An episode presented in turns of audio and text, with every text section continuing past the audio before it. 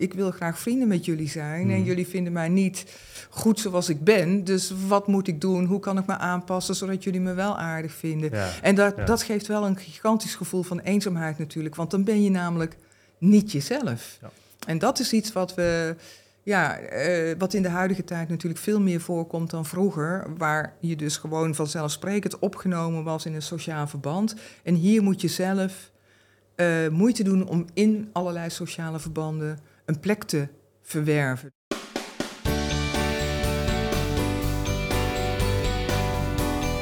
Leuk dat je weer kijkt of luistert naar deze nieuwe aflevering van de Podcast of Hoop. En vandaag hebben we in de studio professor Dr. Anja Magielsen. We gaan het hebben over zingeving en hoe eenzaamheid steeds een groter probleem wordt vandaag de dag. Podcast of Hope, moving towards happiness. Ja, nou leuk dat je er bent. Ja. Ja. Ja, ik vind het ook leuk om hier te zijn. We gaan vandaag in gesprek over geluk. Is dat een onderwerp wat je veel bezighoudt in het dagelijks leven? Ehm, nou, ik denk dat het dat, ja, ja, wel een, een, een ding waar je heel vaak over nadenkt. Eh, Op allerlei momenten van de dag, eh, op allerlei momenten in de week. Zijn er, eh, komt dat, dat woordje soms even voorbij? Of allerlei variaties, hè? want het gaat over geluk, maar soms over kwaliteit van leven en zingeving. Dat soort Hmm. vragen ben ik in mijn werk veel mee bezig. Mhm. Eh, dus dat, dat is wel iets wat, eh, waar ik elke dag wel op een of andere manier een keer iets mee doe. Maar dus ook buitenwerk op persoonlijk niveau, als het ware. Ja, ook. Hm. Dat, kan ook dat kan ook zo gebeuren. Ik, eh, een van de foto's die ik heb aangeleverd, eh, die laten allemaal koolzaad zien van die mooie gele Mhm. bloemen. En eh, dat is iets wat ik, eh, als ik eh, in mijn auto naar mijn werk rijd, langs de A27, wat een hele saaie weg is. Maar als er de zon schijnt en in het voorjaar het koolzaad daar in de berm staat, ja, daar kan ik gewoon heel erg blij en gelukkig van worden. Dus dat zijn dan momenten, gewoon in de auto, die helemaal niks met mijn werk te maken hebben of met de dingen die ik onderzoek, maar waarbij ik denk van, oh wauw, wat is het mooi en hier Ja. geniet ik van. Ja. Je, hebt, je hebt er wel oog voor. Je kan ook gewoon langs rijden en niet eens doorhebben dat daar die bloemen staan. Mhm. Ja, nee, maar er zijn misschien een heleboel dingen die andere mensen gelukkig maken, die ze Mm. langs de weg zien. Maar ik zie alleen deze bloemen, die vallen mij altijd op. dat Elk jaar opnieuw ook. verheug ik me op het koolzaad. En eh, ja, de- heel veel andere dingen langs de weg, die, die vallen me niet op. Dus die triggeren bij mij niet een geluksgevoel. Maar je voelt je dan, als je dat ziet, dan voel je je echt gelukkig. Ja, dan kan ik echt in de auto zitten en zo denken van... wauw, dit is heerlijk, wat is dit mooi en wat word ik hier blij van. Ja. Ja. En als je dan verder bent gereden, is het dan weer weg? Of?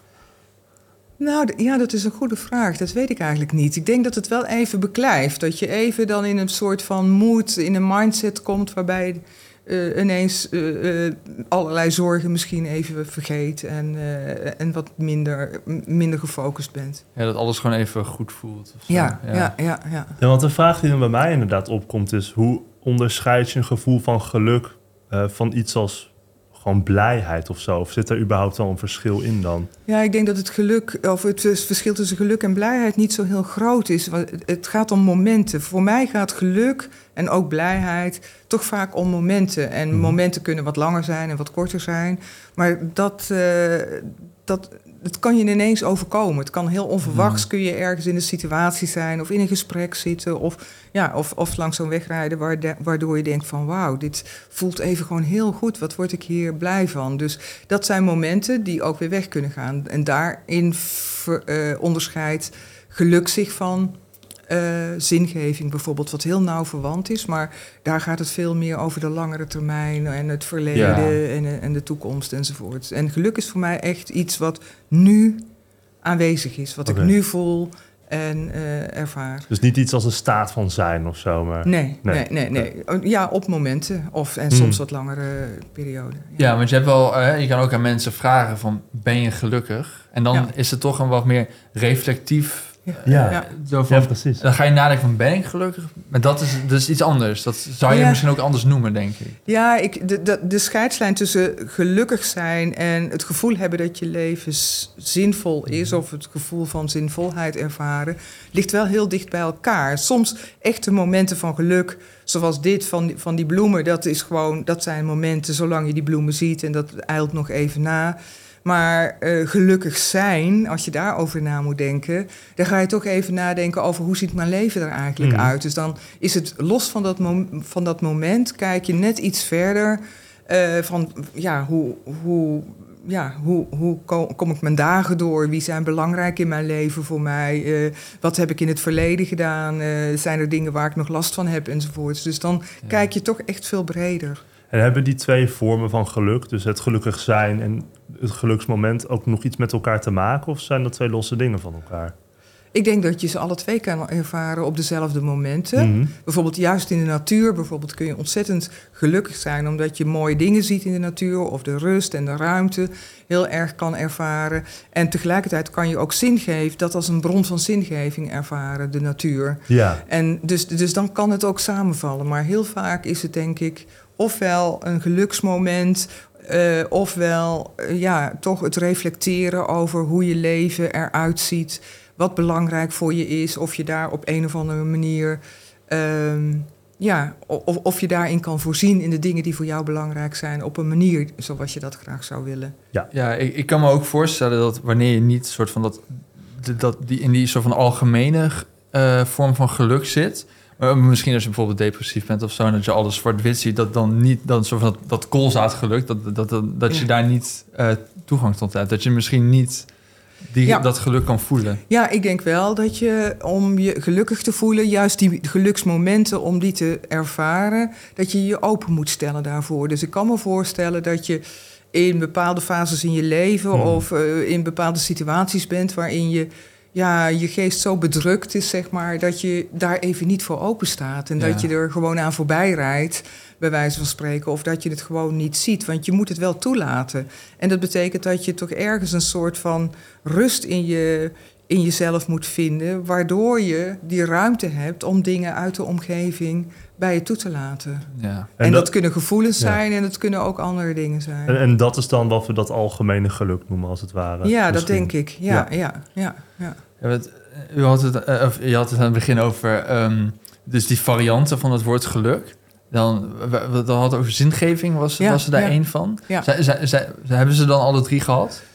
Eh, nou, geluk, blijheid hadden we het dan over. Oh. Ja, geluk en blijheid. Je kan heel blij met iets zijn. Is dat geluk? Ik denk als je heel blij bent, voel je je op dat moment ook wel gelukkig. Dus dat ligt voor mij wel dicht bij elkaar.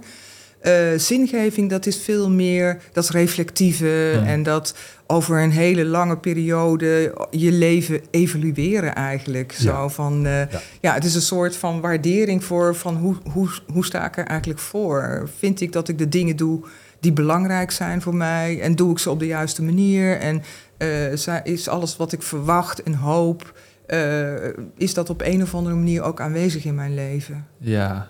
Ja. Er werd vroeger ook wel gepraat over een goed leven. Zou je dat dan Ja. het, het, het goede leven Het goede, een goed leven, ja, er zijn heel veel definities voor. Hè. Kijk, het Zwitserleven-gevoel wordt door sommige mensen ook als het goede leven gezien. Wat, wat voor gevoel? Het Zwitserleven-gevoel, Ja. dat is, ja, dat, dat je dus, eh, dat is vooral over, gaat vooral over mensen die met pensioen zijn, bijvoorbeeld. Oh. Die dan alleen nog maar leuke dingen in hun leven doen. En ja. de vraag is, is dat dan een zin, ja, is dat een leven wat, wat, wat, wat meaningful is, zou je kunnen zeggen.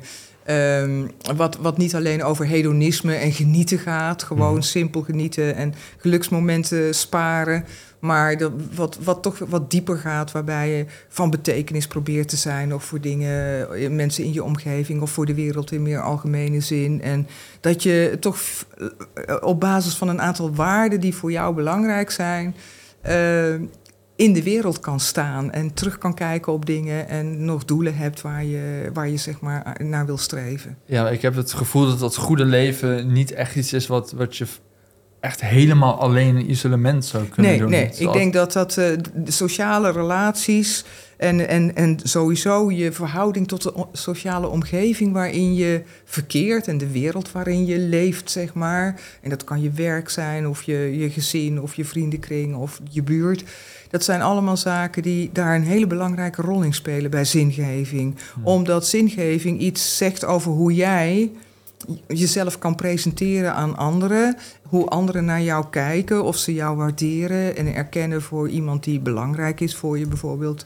Die, die echt toe doet, die van betekenis is. Dus zingeving is, eh, ja, heeft een andere connotatie voor mij. Ja. Maar zinvol zijn is dus wel altijd ten opzichte van anderen.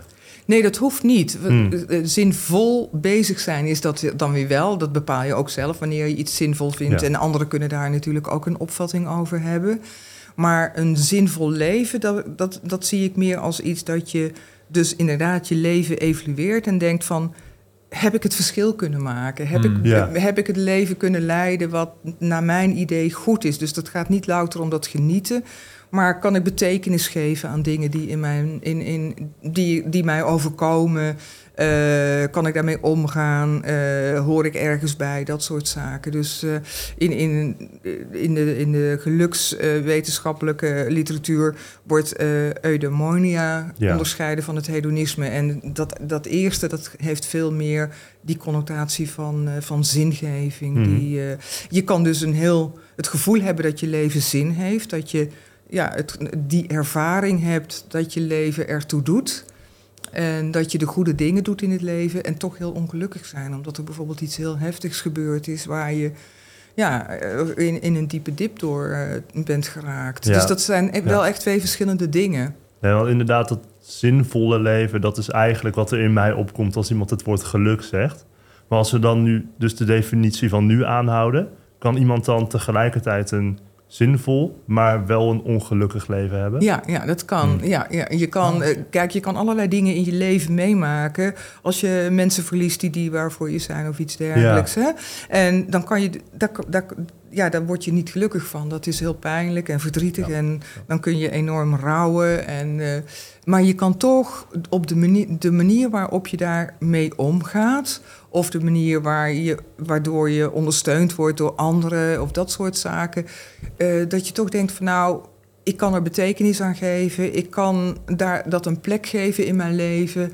Eh, ik heb er ook een verhaal bij voor mezelf. Dat, Mhm. dat kan dan toch dat gevoel van zinvolheid eh, geven. Zonder dat je op dat moment echt gelukkig bent. Ja, Ja. Het klinkt bijna nobel als je zin, eh, zinvol kan zijn voor Ja. anderen... terwijl je zelf ongelukkig bent. Ja. Het klinkt er bijna een soort van martelaarschap. Ja, maar het is niet Ja. alleen zinvol voor anderen. Zingeving gaat ook over vanuit mijn eigen normen en waarden. Ben ik, als ik het belangrijk vind om iets voor Ja. anderen te betekenen, kan ik dat dan bijvoorbeeld blijven doen als ik eh, mijn gezondheid kwijtraak, bijvoorbeeld. Hè? En ik, als ik gewend ben om altijd iets voor iemand te doen of voor mensen te zorgen, en ik kan dat niet meer om allerlei redenen, kan ik zeg maar de zin van mijn, van mijn leven kwijtraken. Dan moet je misschien iets anders vinden wat die betekenis heeft. En dat is dan echt iets voor iemand doen, maar dat levert mij iets op. En die Ja. zingeving gaat over ook wat het mij oplevert om van betekenis te zijn voor anderen en eh, me nuttig te maken of me op een of andere manier in te zetten voor, voor dingen in de samenleving die voor mij belangrijk zijn. Dus het gaat niet zozeer dat anderen vinden dat het betekenisvol is, maar dat ik het gevoel heb dat ik de goede dingen doe. Ja. Het lijkt me wel extreem lastig als je ongelukkig bent... en dan alsnog aan bijvoorbeeld je waarden en normen moeten vasthouden. Ja, dat, dat, dat is ook heel. Ongelukkig zijn is volgens mij sowieso heel zwaar en heel Ja. pittig. Eh, eh, als je heel erg diep ongelukkig bent, en ik denk dat iedereen wel eens van die fases heeft, of momenten waar, waar je het echt even niet ziet zitten. Maar ja, dan voor jezelf blijven realiseren van ja, dit is een moment, wat kan ik doen om de situatie ten goede te keren of om dit hele vervelende gevoel kwijt te raken. Nou, dat kan je tot actie aanzetten. En dan nog steeds, als je daar betekenis aan kan geven en het kan duiden en er voor jezelf een plek aan kan geven, dan kan je toch het gevoel van zingeving ervaren. Ja, ik denk dat het ook wel misschien helpt als je je ongelukkig voelt. Je hebt wel vaak dat mensen wil. Stel je voor je relaties uit, zodat mensen zeggen: van, je moet niet bij de pakken neerzetten. Je Ja, moet gewoon ja. ervoor gaan en gewoon alsnog misschien hè, aan je waarden blijven vasthouden. Ik denk dat het wel kan helpen. Ja, dat, dat is wel belangrijk. Ja, want eigenwaarde is een heel belangrijk aspect van zingeving. Dus dat je het gevoel hebt dat je ertoe doet, dat je zelf je, ook je, jezelf kan zijn en jezelf kan ontplooien op een manier die bij je past. Dus dat je je niet laat leven door anderen of door de omstandigheden waarin je door zo'n verbroken relatie bijvoorbeeld terecht bent gekomen, maar toch probeert te kijken van wie ben ik nou eigenlijk zelf in deze situatie en kan ik toch volgens mijn eigen waarden en normen toch mijn, mijn gevoel van zelfrespect enzovoorts eh, daarin eh, vasthouden of terugvinden. Ja. Want dat gebeurt soms ook, dat je dat echt even kwijt bent en opnieuw moet gaan zoeken. Is het lastig om, om zin te geven aan je leven? Ehm, ja, sommige mensen vinden dat heel lastig. Maar terwijl. ehm, de, maar dat, heeft vaak te maken met het feit dat, dat, dat we denken bij zingeving dat het om hele grootse dingen moet gaan. Hè, Hmm. Dus dat Ja, je... ik denk aan religie bijvoorbeeld. Ja, zingeving wordt heel vaak in, met religie in, eh, geassocieerd. Maar dat is maar één aspect. Het kan ook zijn dat iemand zegt van ja, ik vind het gewoon heel belangrijk om het contact met mijn kinderen te onderhouden. En dat, die, eh, dat, dat, dat ik daar een goede relatie mee heb. Dat is voor mij heel zingevend. Of dat je kan zeggen van nou, ik, eh, ik heb een, eh, een doel, ik wil een bepaald, eh, een bepaald iets bereiken in mijn werk. En dat is gelukt. Nou, dat, dat, ge- dat geeft ook zin. Dus het kan om hele andere dingen gaan. Eh, als het om zingeving gaat, is bijvoorbeeld de natuur een hele belangrijke bron, weten we uit, eh, uit heel veel onderzoek. En datzelfde geldt voor, nou ja, op deze foto zie je bijvoorbeeld een, een, een zee. Ik hou niet van in zee zwemmen, maar ik hou wel heel erg van met een drankje naar de zee kijken. Dat geeft zo'n rust en zo'n goed gevoel van, ja, om met jezelf in evenwicht te komen. Ook weer even terug naar jezelf te kijken van, goh, hoe, hoe, hoe zit ik erbij? Wat ik al eerder zei. En eh, wat is nu voor mij belangrijk en hoe, hoe voel ik me eigenlijk? Wat, eh, Ja. ja. Ja, want tegenwoordig, eh, tenminste dat zeggen heel veel mensen, dat, dat de samenleving best wel druk ingericht. En ik Ja, kan me ja. voorstellen dat dat juist dus eigenlijk tussen dit soort momenten in staat. En dat, je, Ja, ja. Dus dat, we misschien, dat het moeilijker wordt voor ons om zin te geven aan ons leven Ja, tegenwoordig. nou, dat, dat zingeven, dat kan dus in hele kleine dingen zitten. Dat kan in het werk zijn, dat kan de natuur zijn, dat kan je, je gezin of sociale relaties zijn. Het zijn allemaal bronnen, het kan ook een religie zijn. Het zijn allemaal bronnen van zingeving. Maar in de huidige samenleving wordt er natuurlijk heel veel van mensen verwacht. En de sociale druk is gewoon heel erg groot. Waardoor je eh, steeds meer mensen hebt die behoefte hebben om zich even zo terug te trekken uit die hectiek, uit al die, die verwachtingen, die, van wat je allemaal moet doen in het leven. En op jezelf teruggeworpen te zijn. Dus dan zijn die bronnen van zingeving die normaal eh, bijvoorbeeld werken. Dat je eh, leuk werk hebt, dat je leuke collega's hebt, een leuke vriendenkring hebt waarmee je allerlei dingen doet. Die zet je even opzij en je trekt je even op jezelf terug om gewoon weer eens even te kijken van hoe zit het eigenlijk met mijn leven? Wat is Ja. voor mij belangrijk en eh, ga ik daar niet constant aan voorbij, aan wat voor mij belangrijk is, omdat ik me constant aanpas aan de hectiek van de, ja, van de huidige tijd bijvoorbeeld. Ja. Dus eh, volgens heel veel mensen is de behoefte om je terug te trekken op jezelf, heel be- doelbewust, tijdelijk, eh, steeds groter geworden, naarmate de individualisering groter is en ja, de, de hectiek in de samenleving is toegenomen. Ja, mediteren wordt bijvoorbeeld ook heel populair Ja, tegenwoordig. ja, precies. En retraites in kloosters en dat soort dingen, die Ja, zijn exact. heel populair. En eh, dat zijn zelfgekozen situaties van isolement eigenlijk, om even terug bij jezelf te komen, omdat je in de huidige samenleving toch heel erg geleefd wordt door de mensen om je heen, door de verwachtingen en door eh, de bubbels ook waarin je leeft. Zo van, eh, Ja. past ik hier eigenlijk nog wel in? Hey, je bent gespecialiseerd in, in eenzaamheid. Ik, ik, ik weet niet of dit klopt als ik dit zeg, maar zou misschien het tegenovergestelde van zingeving eenzaamheid zijn? Mensen die zich heel langdurig eenzaam voelen, eh, hebben het gevoel dat hun leven er niet toe doet. Dus die ervaren een gevoel van zinloosheid. Hmm. Dat is heel, daar zit een heel nauw verband tussen. Dus als, om, omdat sociale verbindingen met mensen om je heen of met de wereld in meer algemene zin, dat is een eerste behoefte van mensen om, om de need to belong, om, om daar op een of andere manier eh, bij te horen en je mee verbonden te voelen. Als mensen dat niet voelen en zich echt eenzaam voelen, dan, ja, dan ontbreekt dus ook een hele belangrijke bron van zingeving. Ja. En eh, vaak hebben mensen dan wel het gevoel van, ja, van doet het er eigenlijk wel toe? Is mijn leven vervuld zoals ik dat eigenlijk zou willen? Als je niet ook toeschouwers hebt in je leven die kunnen zeggen van, goh ja, ik vind jou een heel leuk iemand om mee om te gaan en zullen we nog eens een keer samen op stap gaan of naar een museum gaan of wat dan ook. Om, weet je, iemand die gewoon jou de moeite waard vindt en dat laat merken, dat is Mhm. heel belangrijk voor dat gevoel van zingeving. Ja, Ja. Wat me opvalt is dat je specifiek zegt mensen die zich eenzaam voelen en niet mensen die eenzaam zijn. ja. Waarom is dat eigenlijk? Ja, dat zeg ik heel bewust, omdat ik denk dat eenzaamheid iets is. Dat is een van de grote misverstanden. Dat eenzaamheid niet iets is voor bepaalde mensen die gewoon per definitie eenzaam zijn, maar dat Mhm. eenzaamheid iets is van het leven, wat gewoon iedereen op gezette tijden wel eens kan ervaren, van jong tot oud. Hè, jij noemde net al het voorbeeld van als je relatie uitgaat. Ja, nou, dan is het juist raar als je je niet eenzaam zou voelen. Dan is dat iets heel normaals. Of als je gaat verhuizen naar een plek waar je nog niemand kent. Of, of je gaat iemand dood. Of, of je verliest je werk of dat soort dingen. Dan is het heel normaal dat je je eenzaam voelt. Maar meestal, en dat is een gevoel Hmm. over de situatie waarin je zit. En als je, eh, ja, normaal gesproken is dat ook meteen een soort van prikkel eh, om in ieder geval iets te gaan doen. Ja. Om, eh, Ja, daarom heb je het gevoel. ja, je hebt dat Ja. gevoel omdat je eigenlijk denkt van dit is niet zoals ik hier, hier voel ik me niet gelukkig bij. Dit is niet zoals ik eigenlijk me zou willen voelen. Dus ik moet iets gaan doen Ja. om te zorgen dat dat negatieve gevoel weggaat. Dus Ja. daarom is eenzaamheid en zingeving hebben wel heel vaak met elkaar te Hmm. maken. Hmm. Ja, dus het is niet bijvoorbeeld net als je zou zeggen: ik ben in gevaar of, of ik heb honger. Het is niet.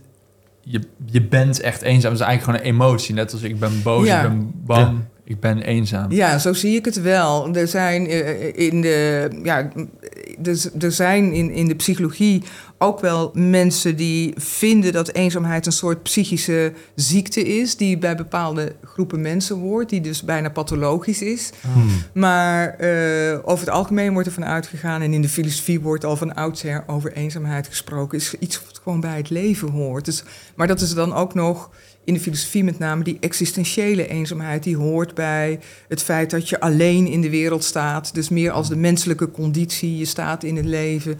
Je bent eigenlijk altijd afgescheiden van anderen. En je moet je dus eigenlijk constant verbinden met anderen om dat negatieve gevoel kwijt te raken. Dat is die Ja. prikkel die ik net bedoelde.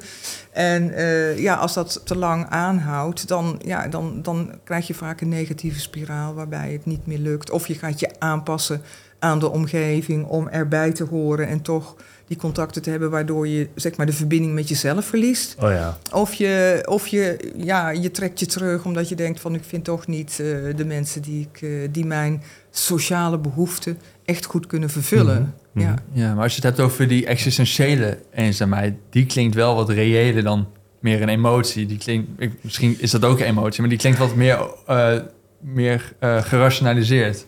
Van ik ben echt alleen, in plaats van ik voel me Ja, alleen. ja, als je het zo, ja dat, is, dat is eigenlijk wel een goede constatering, denk ik. Dat eh, als je dat ziet als de menselijke conditie, dan is dat een feitelijk gegeven. Dat, dat wij als individu alleen en afgescheiden zijn. En gaat ook over in de filosofie dan over het idee dat je wat je diepste innerlijke emoties zijn of wat je belangrijk vindt om te delen, dat je dat nooit helemaal precies met anderen kan delen, omdat anderen nooit, nooit precies kunnen begrijpen Ja. wat jij bedoelt. Dus die fundamentele eenzaamheid wordt daaronder verstaan. Ja. Maar dat klinkt wel als een filosofische stroming die alleen na individualisering bedacht had kunnen worden, denk ik.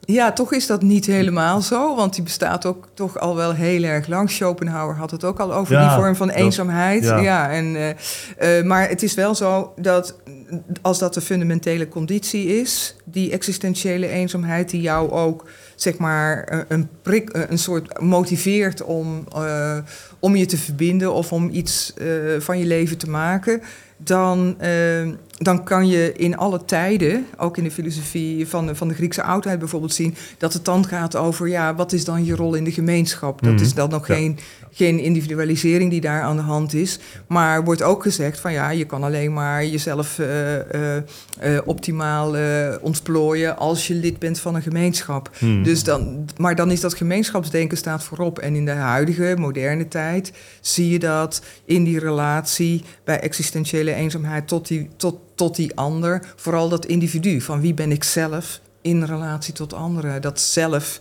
dat stukje zelf in relatie tot het geheel of de gemeenschap of de samenleving staat dan centraler. Dus het, het idee is wel hetzelfde, alleen hoe je, hoe, tot welke soort gemeenschap het zich verhoudt is anders. Ja. Eh, Het vooropstellen van de zelf dan, wat we in de huidige tijd dus denk ik inderdaad wel doen, eh, dat heeft waarschijnlijk eenzaamheid wel eh, flink verhoogd. Tenminste, dat mensen zich eenzaam voelen daardoor. Ja, dat, dat weten we eigenlijk niet. Kijk, eenzaamheid wordt sinds 25 jaar gemeten. Ja, Ja. 25 ja, dus dat is heel lastig om Ja. daar iets over te zeggen. En eh, als je ervan uitgaat dat eenzaamheid eigenlijk bij het leven hoort, dat iedereen dat wel van tijd tot tijd ervaart. En als je dan die existentiële eenzaamheid als een belangrijk thema ziet, waarvan je zegt, ja, in feite gaat dat gewoon over hoe mensen in, het in de wereld eh, staan, dan is het natuurlijk eh, niet iets van.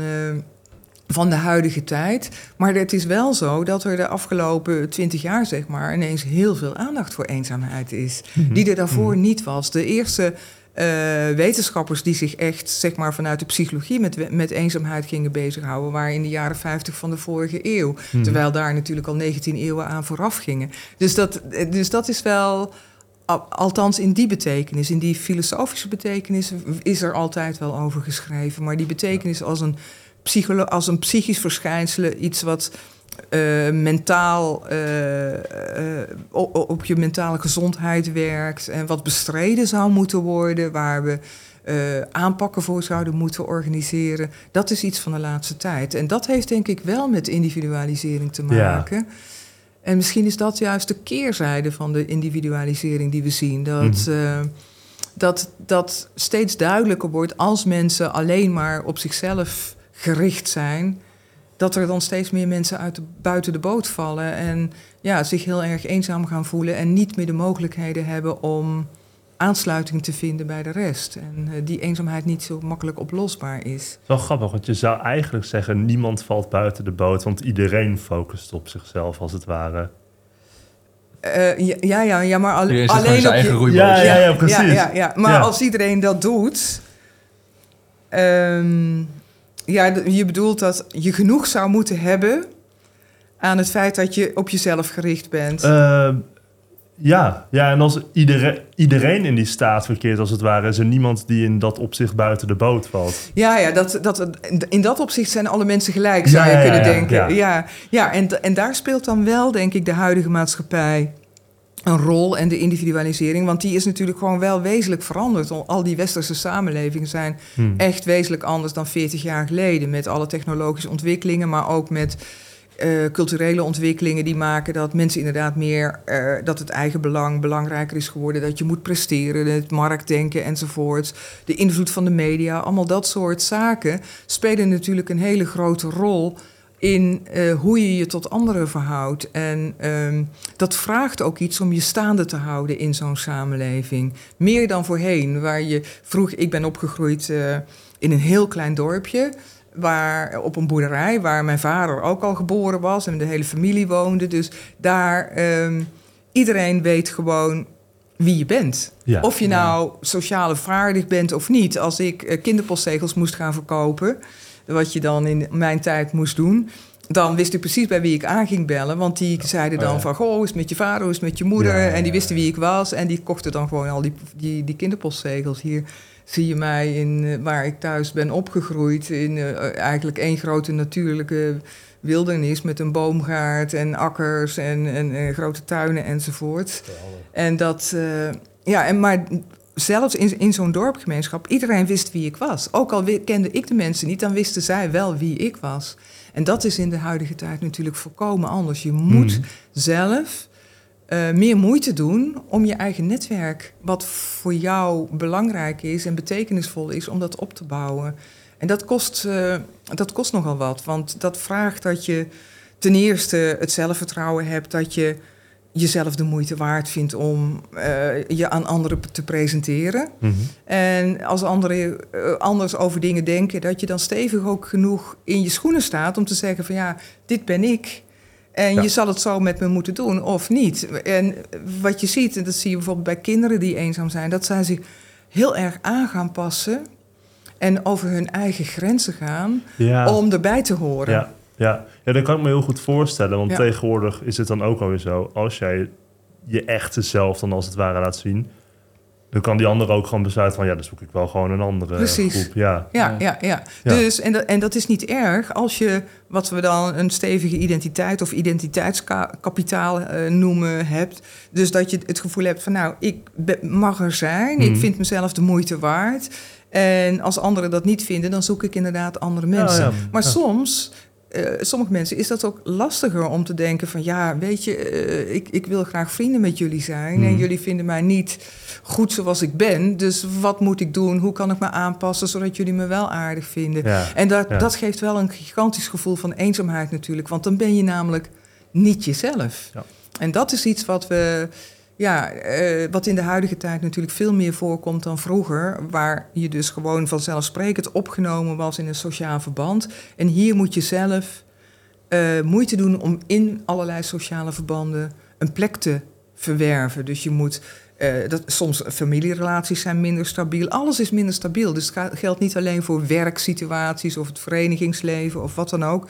Maar zelfs familierelaties zijn minder stabiel. Die zijn niet maar altijd je hele leven blijvend. Dus je moet moeite doen om. En er wordt ook heel veel van je verwacht. Dus je moet ook kijken in welke netwerken moet ik eigenlijk een positie vinden. En, en om het leven te kunnen leiden wat voor mij belangrijk is.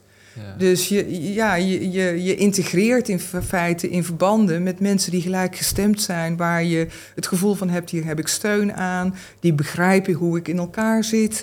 Eh, daar, daar ervaar ik vriendschappelijkheid of vertrouwelijkheid. Dat heb je gewoon ook nodig. En dat, Ja. dat is niet meer vanzelfsprekend. Nee, nee, nee. En daarom is denk ik wel veel meer aandacht voor eenzaamheid dan, eh, eh, dan vroeger. Maar dan gaat Ja. het dus niet over die eenzaamheid die bij het menselijke leven hoort, omdat er iets gebeurd is in je leven waardoor je allerlei mensen kwijt bent geraakt of even teruggeworpen wordt op jezelf.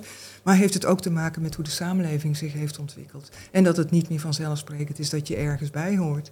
Ja, het voelt ook wel weer een beetje dubbel, want je had het net over, eh, over dat dorp, eh, waar je dan iedereen elkaar kent. Ehm terwijl, eh, we zeggen tegenwoordig dat we meer verbonden zijn dan ooit. Dus dus Ja, het voelt ja, een ja. beetje paradoxaal. We zijn ja. meer verbonden, maar alsnog zijn we eenzamer. Ja, ja. nou ja, het, het, er zijn twee dingen aan. Ten eerste, eh, kijk, je, je leek, nou, dit is, dit is eh, mijn familie, mijn zussen. Ik heb alleen maar zussen en, eh, en zwagers. Ehm, ja, die verbondenheid, dat is, dat, dat is gewoon heel belangrijk. Want dat, dat geeft het gevoel dat zijn mensen die jou al je hele leven kennen. Die niet alleen weten wie je nu bent, maar ook, zeg maar, dat is hetzelfde als bij die zingeving. Die ook terug kunnen kijken van wat heb je in je leven meegemaakt. Die eigenlijk het pad, het levenspad met jou hebben gelopen. Ja, dus ja. dat is heel belangrijk. Eh, over die verbondenheid in zo'n dorp. Dat klopt, dat mensen erbij hoorden. Ook in het dorp waar ik woonde, woonden mensen die helemaal geïsoleerd waren, waar niet, die met niemand contact hadden. Maar iedereen wist van, oh, daar woont die en die. En daar is iets mee. En als daar hulp nodig was, dan stond iedereen daar toch voor klaar. Iedereen wist dat. Van, weet je? Dus Ja. dat, en dat is tegenwoordig, we leven anoniemer. Dus mensen waar je niet per se een persoonlijke band mee hebt, hoef je ook niks meer mee. Nee, precies. Want je Nee. kan die dus die verbondenheid van vroeger, je kan nu contacten onderhouden met vrienden en familie of wie dan ook over de hele wereld. Door al die moderne ontwikkelingen. Dus je hoeft niet meer in je woonomgeving. eh, daar ben je niet meer op aangewezen Nee. zoals dat vroeger was. Ja, En pas voor ouderen is dat wel heel belangrijk, die woonomgeving. Want dat als je minder mobiel bent en niet meer eh, heel gezond en niet meer zoveel kan reizen, dan ben je weer aangewezen op die woonomgeving. En dat is, mensen zijn helemaal niet meer gewend in een woonomgeving om heel erg zorgzaam met elkaar te zijn. Omdat je Ja. die verbinden, verbondenheid met mensen die echt bij je passen, ja. zelf kan gaan zoeken.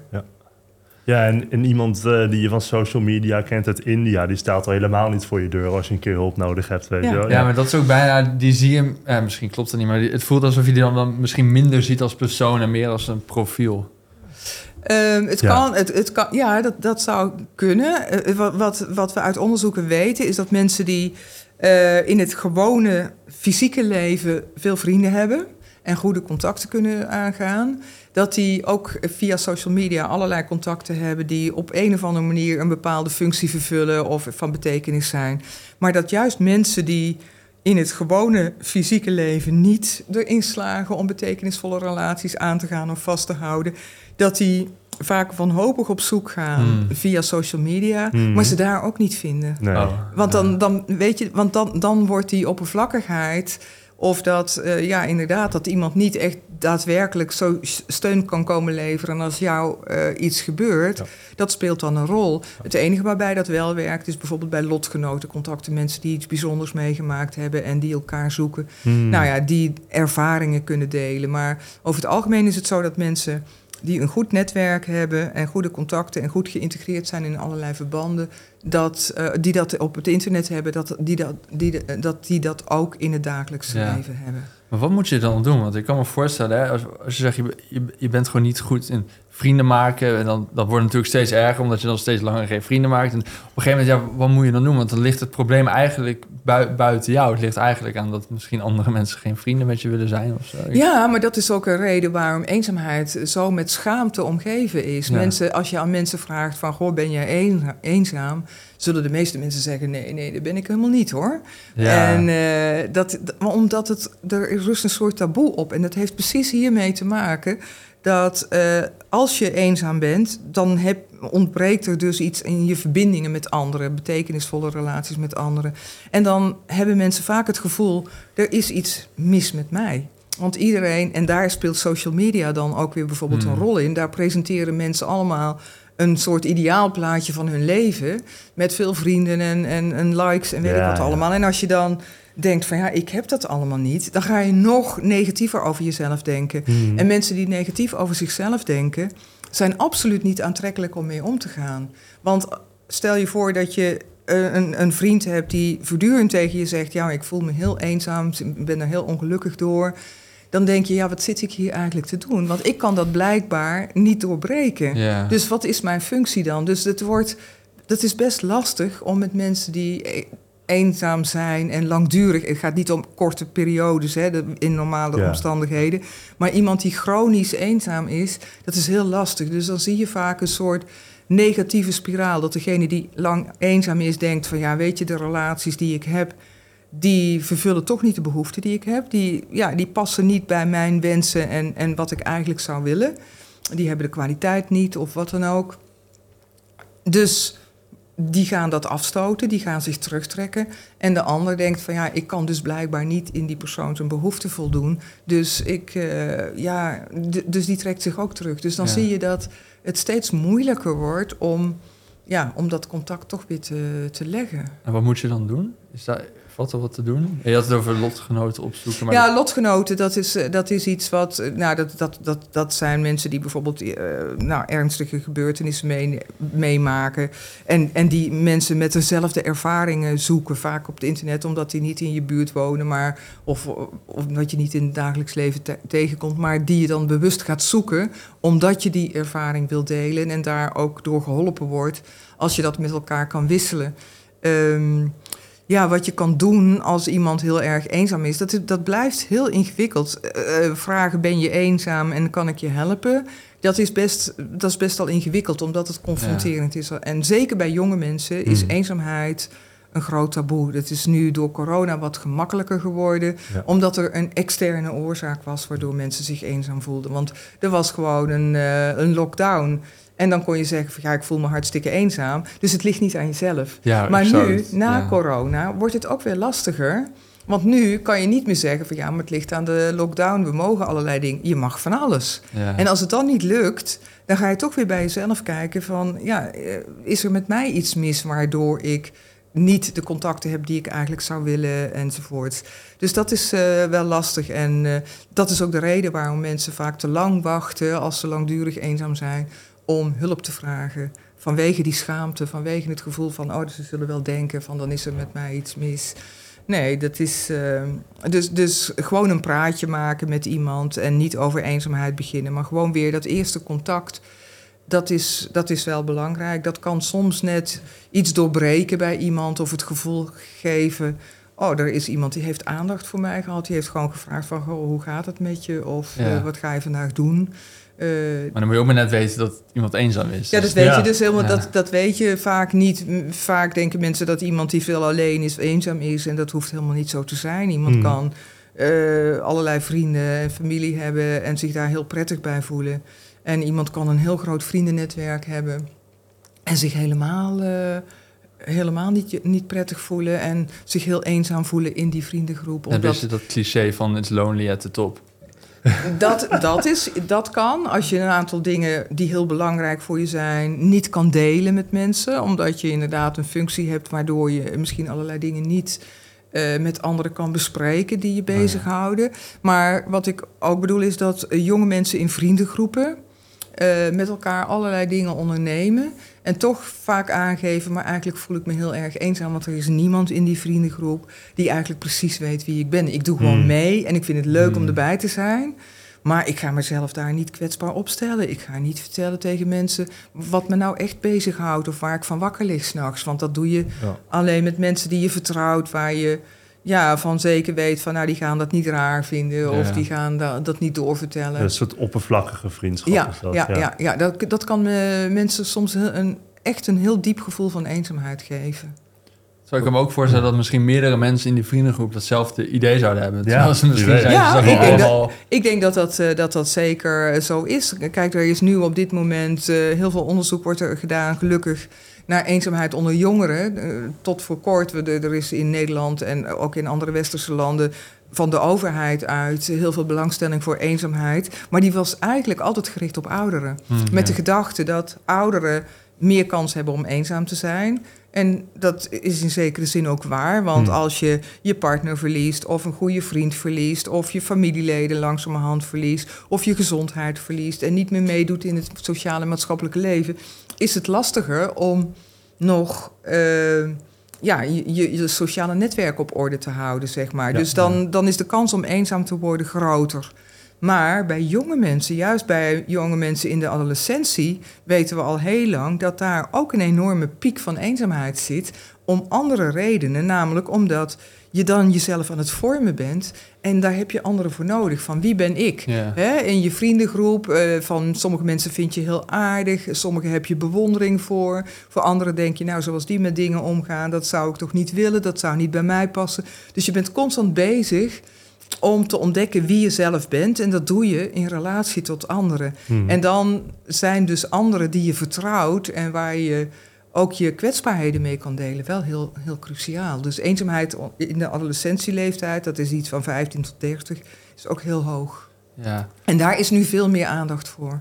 Het voelt een beetje als een probleem wat bij de wortels moet worden opgelost... en niet dat je individuele gevallen van eenzaamheid zo goed kan bestrijden. Ja, nou, je kan ook wel mensen individueel helpen die zeg maar, zich heel erg eenzaam voelen en daardoor bijvoorbeeld depressief worden of heel somber worden. En ja, eh, echt zeggen van hoe kom ik hier op eigen kracht nou uit? Die kan je helpen om wat handvatten te geven of mee te denken van ja, wat zou nou in jouw situatie kunnen helpen om dat nare gevoel kwijt te raken? Hè? Wat zou je voor actie kunnen ondernemen? Want dat is het dan vaak om de situatie zodanig te veranderen dat dat gevoel weggaat. Eh, dus dat kan je op het individuele niveau wel doen. Maar er zit natuurlijk ook een structureel vraagstuk onder. Van eh, als de wereld zo in elkaar zit waarin we nu leven, dat iedereen alleen met zichzelf bezig is en dat we allemaal prachtige plaatjes eh, presenteren en allemaal in bubbels leven, waar je vooral niet afwijkend gedrag moet vertonen, want dan pas je niet meer in die bubbel. Ja. Maar je komt ook niet zo snel in een andere bubbel, want daar moet je allerlei competenties voor hebben. Ja, dan ligt er dus ook wel een, een vraag bij de samenleving, zou je kunnen zeggen. Ja. Ja. Die, die vorm van eenzaamheid, eh, waarbij iemand dan ja, dus die oppervlakkige vriendschap heeft, komt dat in vergelijking met eenzaamheid waarbij iemand niet veel relaties heeft, komt dat vaak voor? Ehm, ik snap even niet. eh, Nee, dus ehm, de vorm van eenzaamheid waarbij iemand dus wel relaties heeft, maar dan Ja. Eh, niet zijn behoefte kan worden ja, ja, maar daardoor. zich toch eenzaam Komt die vaak voor ten opzichte van die andere vorm van eenzaamheid? Ja, wij noemen dat sociale eenzaamheid. Hè? Mhm. Eh, eh, sorry, emotionele eenzaamheid. Dat iemand dus wel een breed netwerk heeft, maar niet aan de emotionele Ja. diepgang, zeg Ja. maar. Eh, ja, dat komt wel, dat komt wel eh, behoorlijk veel voor. En de andere vorm van eenzaamheid is juist het tegengestelde. Iemand die bijvoorbeeld Ja, een, een ja. hele intieme relatie heeft... of een paar hele goede vrienden... waarmee die alles durft te delen en kan delen... en heel veel steun aan heeft, maar tegelijkertijd... eh, dat bredere netwerk mist zo van... Oh, dat heb dat je is, ook. Dat Ja. kan ook, ja, ja, ja. Ja. Ja, dus dat, dat, maar emotionele eenzaamheid is vooral dat je de behoefte hebt aan wat diepgang in je relaties. En dat je wel een grote, ja, oppervlakkige vriendenkring hebt waarmee je allerlei dingen kan doen, maar niet de personen waarmee je echt dingen wil bespreken die belangrijk voor je zijn of die wat Ja. dieper gaan. Ik denk dat mensen ook dat het ook wel verschilt in mensen hoeveel relaties ze nodig hebben of niet. Ja, dat, is heel, dat is heel waar. Sommige mensen hebben, willen echt elke dag contacten Ja. met anderen hebben. Die hebben daar heel veel behoefte aan. En andere mensen hebben zoiets van... nou, ik heb een paar hele goede vrienden... die zie ik een aantal keer per zoveel tijd. En dat is genoeg. Ik weet, het gaat er dan om dat je wel het gevoel hebt... ook al heb je ze niet nodig op dit moment... dat je vrienden hebt bijvoorbeeld... Ja. of mensen hebt waarvan je denkt van... eh, als er nu met mij iets zou gebeuren... waar ik echt behoefte heb aan iemand die mij steunt... of met wie ik kan praten over de en die mij ook kent dan weet ik wie dat zou, zouden zijn en dat die voor mij klaar zouden staan. Dat geeft ook een heel goed gevoel natuurlijk. Dat heb je eigenlijk nodig, want je hebt die mensen niet elke dag en elk moment nodig. Maar op die manier zijn ze wel altijd in je leven. Hm. Dus die sociale, die betekenisvolle relaties, die zijn eigenlijk altijd bij je. Dat is hetzelfde met sommige belangrijke mensen die overlijden, die altijd bij je blijven en waarvan je altijd zegt van ja, die is er niet meer. Maar ik spiegel nog vaak van goh, wat zou die gezegd hebben? Of ik weet al wel wat die gezegd zou hebben. Ik hoef niet eens af te vragen van eh, dit is niet goed of dit is juist eh, heel goed. Ja. Dat zijn de dingen die. Dus mensen, de behoefte aan het aantal contacten is heel verschillend. ja. Daarom is het ook zo moeilijk om te zeggen: is iemand eenzaam of niet?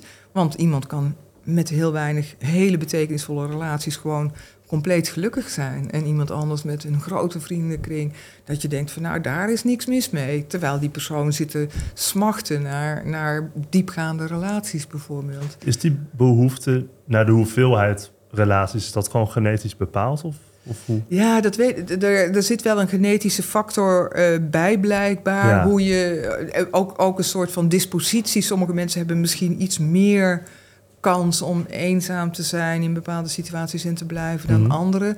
Dus het heeft ook wel een beetje met persoonlijke eigenschappen en er zitten ook wat ge- genetische componenten. Van dat soort onderzoek weet ik niet zo heel veel. Snap ik ook niet zo goed hoe dat, eh, hoe dat allemaal eh, in zijn werk gaat. Maar ehm, ja, dat kan een rol spelen. Ja. Hmm. Ja, dus, maar vooral ook de. Ja, het, soms speelt dat. Soms zie je ook ze- zelfs dat eh, het over generaties heen gaat. Dat mensen opgroeien in een situatie. Bijvoorbeeld in een gezin of in een andere situatie waarin ze als kind opgroeien. Waarin het niet vanzelfsprekend is dat je leert omgaan met allerlei anderen buiten het gezin of buiten de, de setting waarin je opgroeit. Hm. En dan oefen je dus niet die sociale vaardigheden. Dan leer je dit niet, die niet altijd aan. Hm. En soms hebben mensen dan gedurende hun hele leven eigenlijk last van het feit dat ze het moeilijk vinden om anderen toe te laten. Of eh, omdat ze opgegroeid zijn met wantrouwen en andere mensen niet zo goed durven te vertrouwen. Of Ja, vaak ja. teleurgesteld Ja. zijn en denken: oh jee, ik eh, laat niet het achterste van mijn tong zien. Ik wil niet mezelf echt blootgeven, want wie weet wat ermee gebeurt. Dus Ja. eh, dat soort dingen spelen wel ook heel erg een rol. En dat zie je soms van generatie op generatie ook wel gaan. Ja, we zijn al aan het einde van de podcast. En, ehm, Dat we- is snel. Ja, dat gaat echt altijd heel snel. Maar we, eh, ik vind het wel leuk om even, want we vragen onze gasten een voorwerp mee te nemen. Ja. Dan maken we het wat persoonlijker. Dus Ja. ja, wat, wat voor voorwerp heb je Nou, ik heb, meegenomen? ik heb een heel raar voorwerp meegenomen. Dit staat op mijn werkkamer thuis. Het is een gehaakt poppetje. Heel klein. Het is ook, eh, je kan het als sleutelhanger. Maar wat het is, is een. eh, het is iemand met een, een baret Ja. op, met een vest erop, een zwarte baret en een soort bul. En eh, mijn moeder heeft dit gehaakt voor mij toen ik hoogleraar werd. Hm. Oh, ja. Ik ben eh, de eerste in mijn eh, familie die zeg maar in, een, in de academische wereld terecht is gekomen en die uiteindelijk hoogleraar is geworden. En mijn moeder die, eh, die was daar zo. Mijn vader was intussen overleden. Die, die was ook heel trots toen ik promoveerde. Maar mijn moeder die heeft nog net op de valreep vlak voor ze ging overlijden mijn oratie meegemaakt. En toen heeft zij dit poppetje gehaakt voor mij. Eh, als zo van, nou, dit is een hoogleraar. eh, Ja. en dat is, eh, ja, die staat dus gewoon heel pontificaal op mijn werkkamer. Want ja, dat vond ik heel bijzonder geweldig. dat zij eh, daar zo trots op was. En eh, de moeite nam om, eh, terwijl ze bijna 90 was, eh, nog zo'n poppetje te haken. Wat dan eh, voor haar een een, een beeld was van, nou, zo ziet een hoogleraar eruit. Ja, echt mooi. Ja, Ja. leuk. Nou, we sluiten de podcast altijd af door de gasten vragen een tip te geven. We dachten, hè, misschien heeft u misschien een tip of een boodschap voor mensen die zich eenzaam voelen? Ehm, ja, dat is altijd best wel lastig. Maar eh, een tip om, eh, als je je echt eenzaam voelt, ga realiseer jezelf vooral dat eenzaamheid iets is wat eigenlijk iedereen wel kent. En dat je dus niet de enige bent, dat het iets heel normaals is. En dat je daar gewoon met anderen over kan praten. Ja, Dus blijf er niet mee lopen. Dat, dat vind ik de allerbelangrijkste tip. Ga denken van, nou, wat zou ik kunnen doen? Zijn er mensen die ik daar misschien een keer over zou willen spreken? Aan wie ik dat durf toe te vertrouwen? Of als je die niet hebt, van nou zijn er, eh, is er een huisarts die ik zo goed ken dat ik dat een keer durf te vertellen. Maar hou het niet bij je, want dan gaat het niet oplossen. Dus probeer daarbij iemand te vinden met wie je dat kan delen. En van daaruit te zoeken of je mogelijkheden vindt om dat negatieve gevoel kwijt te raken. ja. Nou, duidelijk. Ja, heel erg leuk dat je langs bent gekomen. Ja, dankjewel. Leuk dat je hebt gekeken of geluisterd naar deze aflevering van de Podcast of Hoop. We hopen dat je ervan hebt genoten of misschien zelfs geïnspireerd door bent geraakt. Iedere zondagochtend om 10 uur komt er een nieuwe aflevering online op Spotify, YouTube en al je andere favoriete podcastkanalen. Ook kun je ons vinden op www.podcastofhoop.nl. Tot ziens en veel geluk. De wereld waarin we leven biedt nog geen gelijke kansen. Voldoende eten en drinken. Een adequate opleiding. Goede gezondheidszorg. Vrede en geluk is niet voor iedereen weggelegd. Maar stap voor stap wordt het beter. En zijn we op weg naar een octopische samenleving waarin iedereen zijn of haar leven als goed kan beschouwen. Het is een lange reis, maar we zijn op weg. Podcast of Hope. Moving towards happiness.